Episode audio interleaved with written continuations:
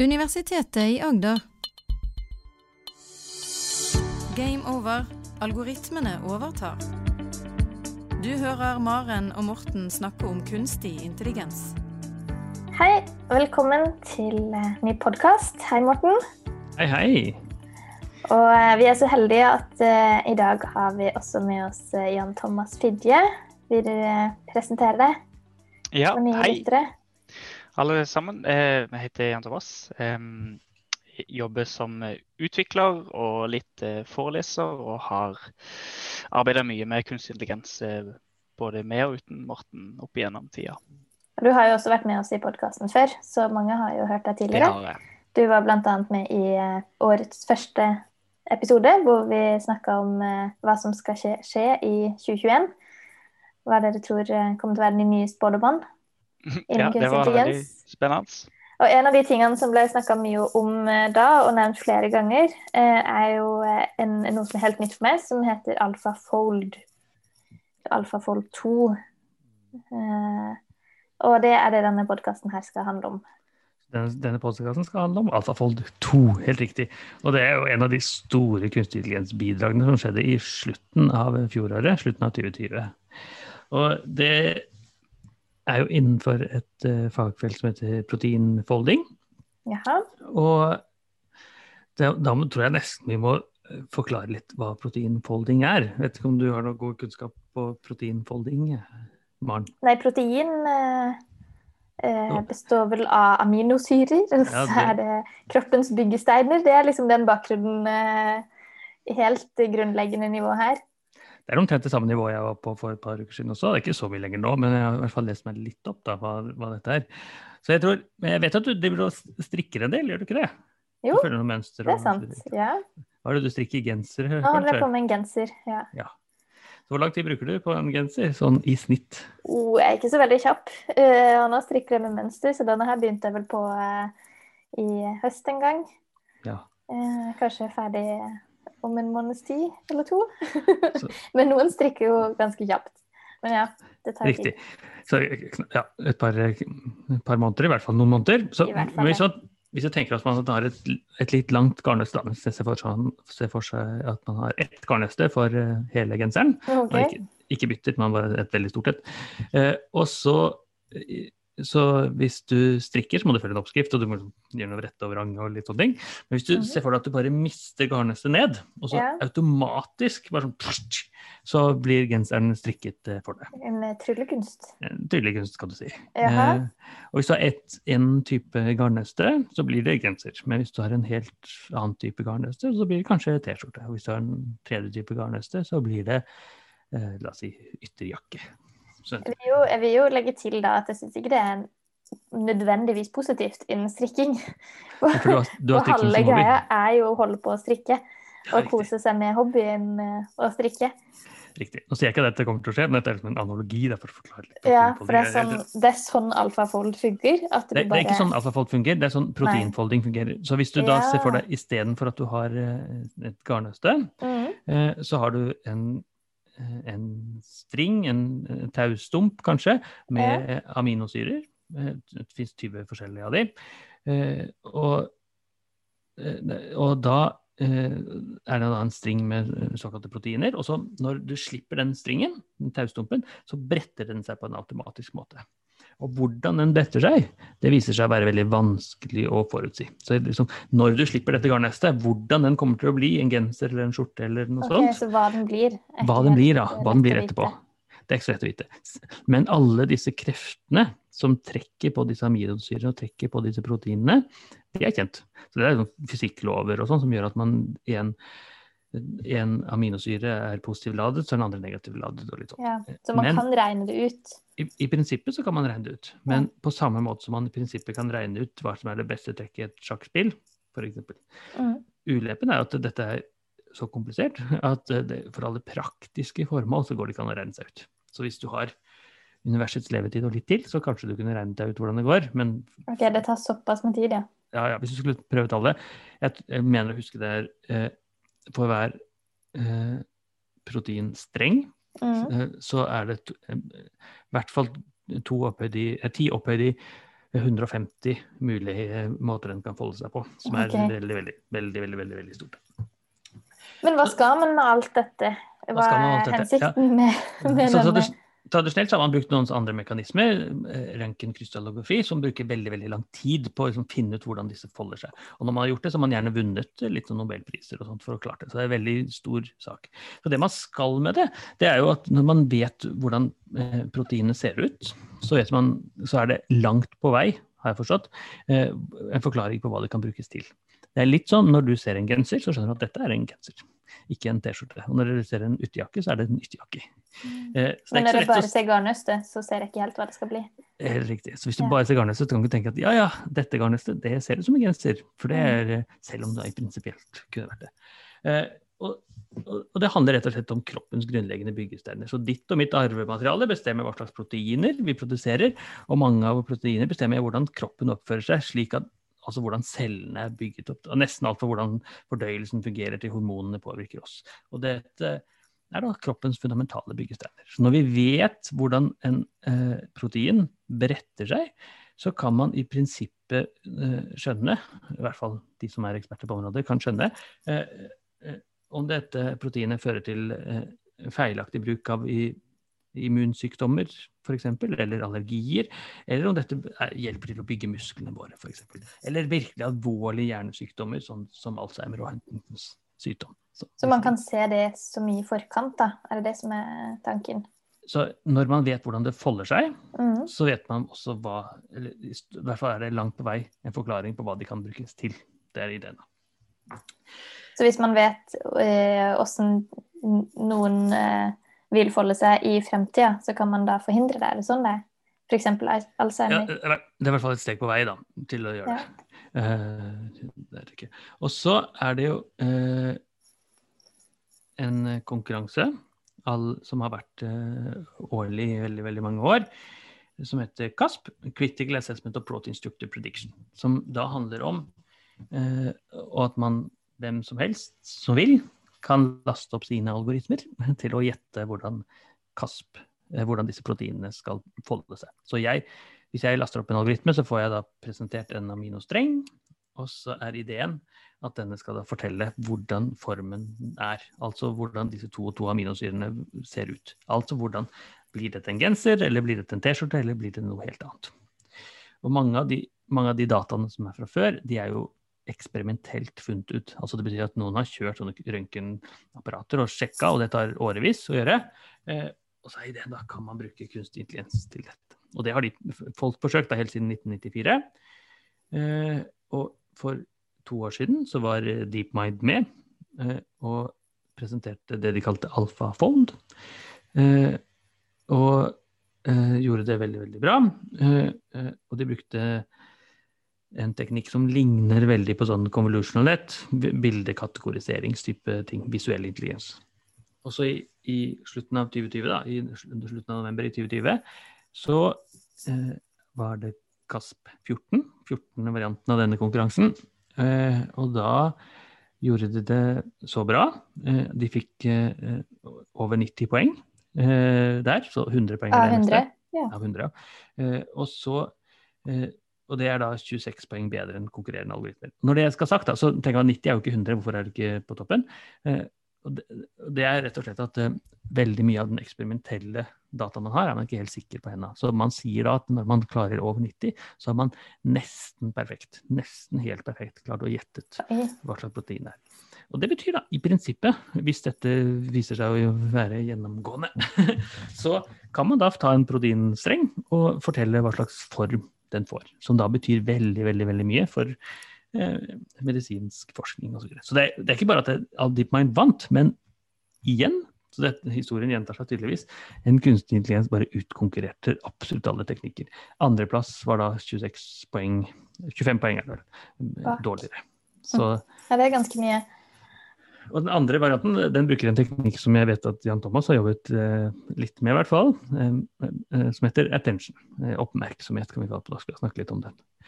Så hvordan, hvordan er din hype level, Jan Thomas? Er du i ekstase, eller er? Ja, det, jeg husker veldig godt når, når dette ble gjort kjent. Jeg synes det, det er superkult at vi får det til, og at algoritmer kan klare å løse problemet så bra som dette.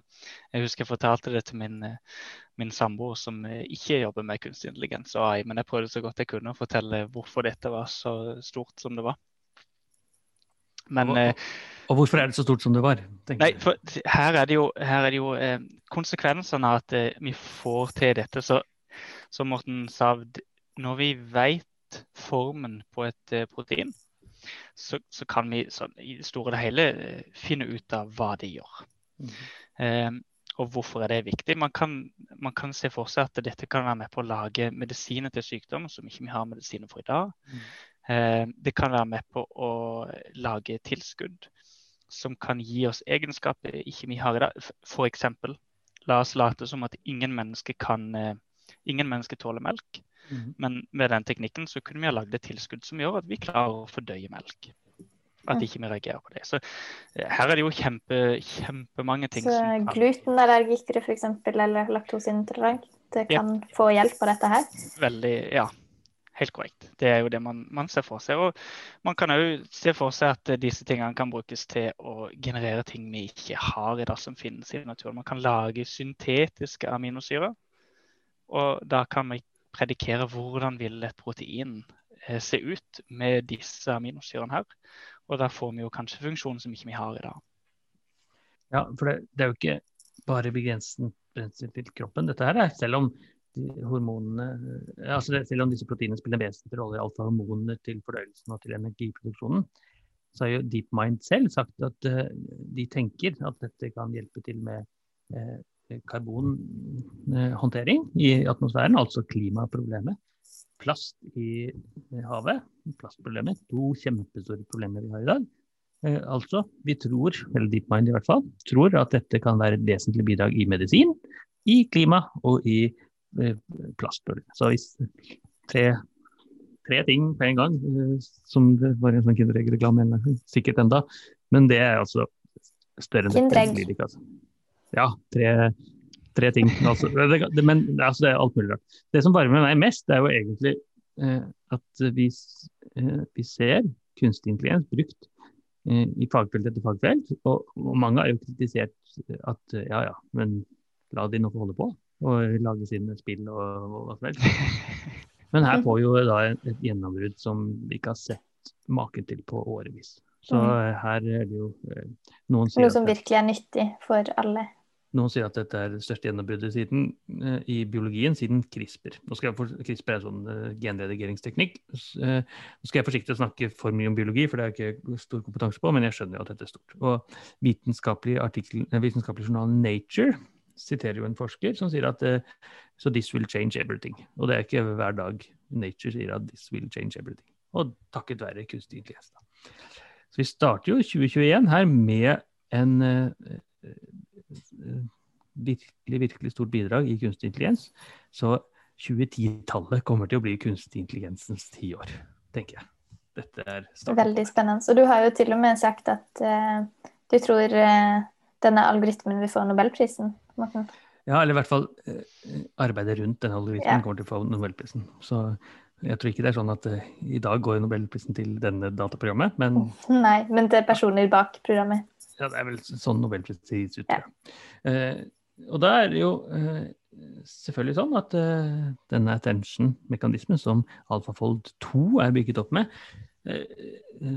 stammer jo fra en artikkel, jeg mener det var Google, si korrekt meg correct me if I'm wrong, Jan Thomas, som hadde den artikkelen som het eh, 'Attention is all you need' for et par år siden. Som da viser seg jo eh, den gangen å utkonkurrere eksisterende naturlige språk, algoritmer. Alle lang korttidsminne som LSM, som vi har gått med, snakket om flere ganger. Men her er altså MT. Det viser seg at denne attention ikke bare fungerer på språk, ikke bare fungerer på bilder, men også på menneskekroppen og biologien som fins. Eh, og eh, de fleste har nok eh, sett sånne proteiner mange, mange steder det siste året. For f.eks. denne koronaviruset, som alle har sett. ikke sant? Den ballen med disse spikene utenpå. Mm. Spiken utenpå det er proteiner. Og jeg har forstått det sånn at når en, man skal lage en vaksine, så må den binde seg til disse proteinene. Så hvordan eh, koronavirusstrengen eh, kommer til å få ut eh, proteinene, det har man jo gjort, funnet ut med lignende type virus tidligere eksperimentelt, men nå kan man da i prinsippet bruke en kunstig intelligens til å gjette det. Så det betyr at når det kommer en helt ny sykdom et eller annet gang eh, om noen år, som kanskje har like verdensomspennende konsekvenser som korona, og kanskje enda verre også, så kan en, eh, denne alfafold eh, gjette ganske nøyaktig hvordan proteinet er, som da kan være veldig veldig godt bidrag inn i f.eks. medisin, vaksine, den type ting.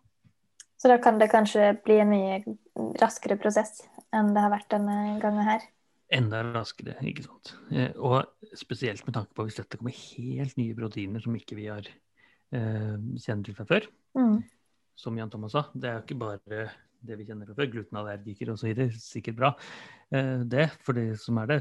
det er min dypeste medfølelse for alle som har sykdommer av forskjellige typer. Men det kan tenke langt utenfor det vi ser av muligheter i dag, hvor medisin kan hjelpe. Eh, og fordi verden består av proteiner, ikke sant.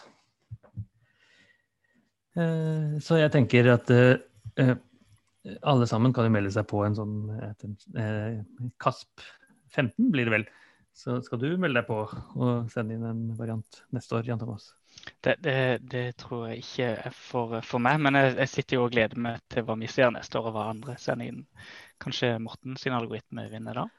Ja, vi, vi, ja, det høres ut som en eh, lang prosess, men vi, det er jo veldig fristende, selvfølgelig. Så DeepMind har jo uh, tidligere med uh, bl.a. Uh, AlphaZero og AlphaGo som spiller sjakk, og Go og disse andre brettspillene, vært ganske åpne. De har kommet med en vitenskapelig artikkel, blant annet, og de har kommet med deler av koden. og så har det vært noen andre varianter som er åpne, som er open source av alt sammen. Så, men det har de i hvert fall enn så lenge ikke gjort nå. Det som finnes ute nå, er en bloggpost som forklarer litt om dette.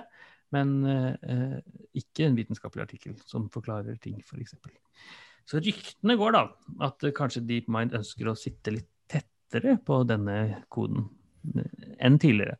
Det er litt mer hemmelighetsfulle? Det er litt mer hemmelighetsfulle. Eh, og da, sånn at ikke det forteller hvordan de har gjort dette. Eh, sånn at de kan sitte på en virkelig virkelig gullgruve. Jeg tror det er 500 millioner de ligger i underskudd, ja. Så eh, noe, noe, må de tjene penger på, disse stakkars forskerne. Så vi håper selvfølgelig at det blir en åpen løsning. For det betyr hvis det blir åpent, så kan dere gå inn og se på det og fortsette å jobbe videre på det? Gjenbruke det. Mm.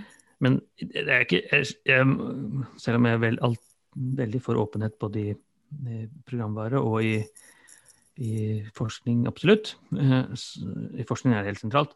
Så er det lett å skjønne at de ønsker å få litt økonomisk makt når den er så sentral som vi tror den er. Ja.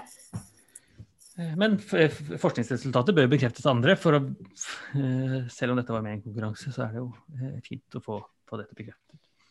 Så, men det er jo mm, en veldig viktig Eh, bidrag i forskningsverdenen, tenker jeg. Og kanskje det er en liten øyeåpner for de som tenkte at kunstig intelligens ikke betyr noe for meg. Virkelig, mm. virkelig betyr noe.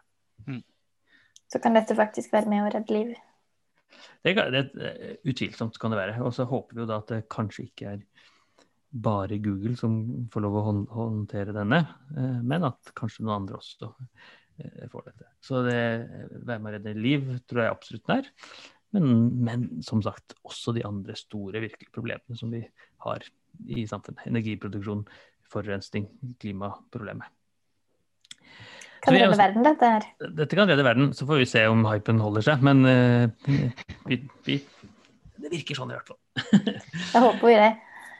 Og dette har vi snakket om flere ganger, og uh, jeg har snakket om det flere ganger, blant annet i en Eh, NRK P2 Abelstårn var det snakk om dette, men eh, for de lytterne som kanskje er enda mer interessert i disse tekniske detaljene som er, eh, så er jeg også med i en annen podkast hvor vi går veldig mye mer teknisk til verks. Så denne podkasten, Game Over, eh, er populærvitenskapelig, ment for et allment publikum som er interessert i kunstig intelligens. En annen podkast som drives av Nora. Nora er en samling av kunstig intelligens-institusjoner i Norge.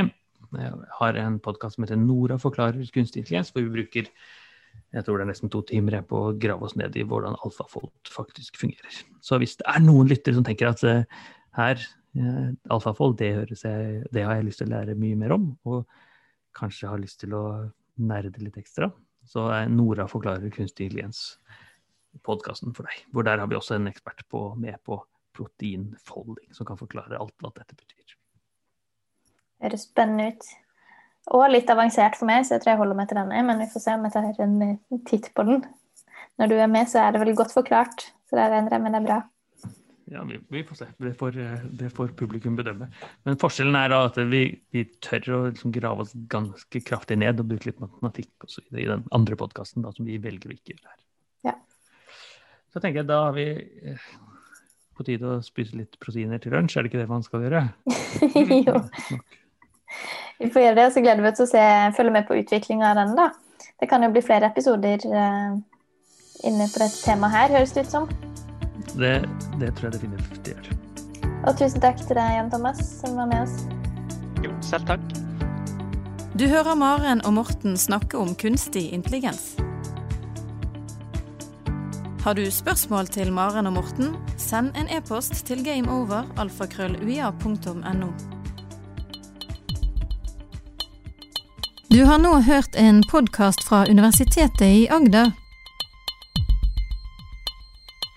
Du finner flere podkaster fra UiA på uia.no podkast.